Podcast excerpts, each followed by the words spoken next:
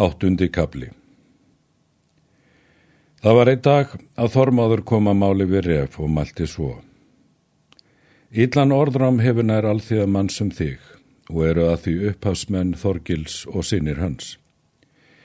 En þá er ég fýsti að ráðtækjust með ykkur helgu, högðust við gifta hana dugandi dreng og svo ætla ég þig. En of þykir mér þú sanna vondramanna orð ef þú lætur þá umkjört sitja.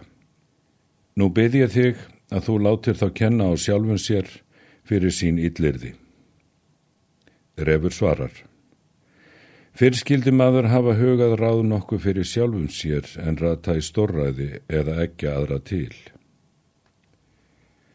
Nú skilja þeir sitt tal og sæst refur nú til smíðar og gerir eitt fádæma mikið spjót. Með því mátti bæði högga og leggja. Hann skeftir það lágu skafti og vefur allt í árni. Þínast hvetur hann það svo að það stóð á kampi. Þessu næst að álinum degi gengur refur heiman eitt saman. Hann hefur spjót eitt vopna. Hann gengur í bík. Hann kom þar síðdags, Þorgils var að soningu í eldhúsi. Refur snýr þangað. Þorgils spyr hver þar færi. Refur segir til sín. Þorgils mælti. Mjög leggur reik í augum mér er ég kenni þig ekki og kom þú heil og vel. Refur svarar. Það vil ég þykja. Þorgils mælti. Hvað er að erindum? Refur svarar. Ég er komin að beida bóta fyrir ílmæli það er þér hafið til mín haft.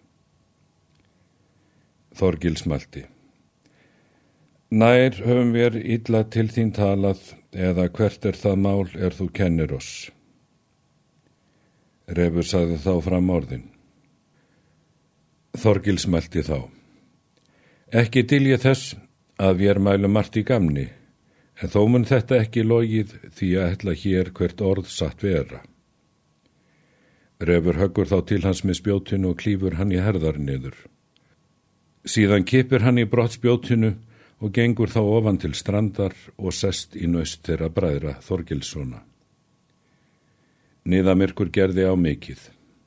Þínast heyrir hann áraglam. Og er þeir bræður koma að landi, hleypur þengil fyrir borð, gengur upp og vill sækja hlunna í nöstið. Og er hann kom þar, hjóri efur höfuð af honum. Þorstedt hljóp þá utan bors og veit ekki til þessa, því svo var myrt að ekki sá til nöstsins. Þorstein tekur árar og ber upp.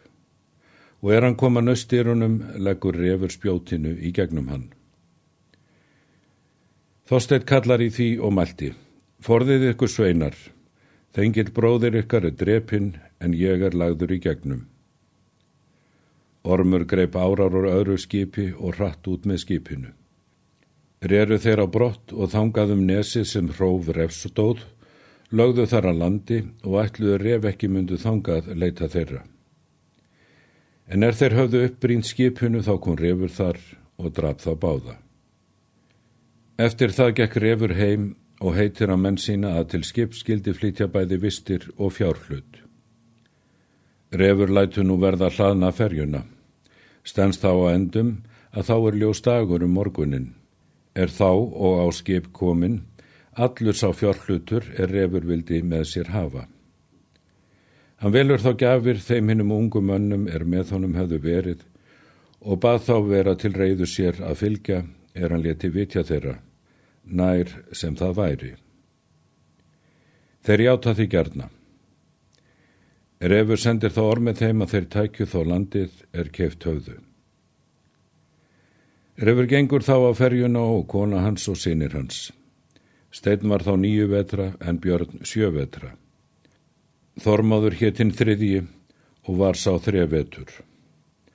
Þormáður fóstri helgu skildi og fara. Kom vindur á landi og undu þeir refur segl upp, letu svo ganga um daginn til hafs. Eru þau nú fyrst úr sögunni.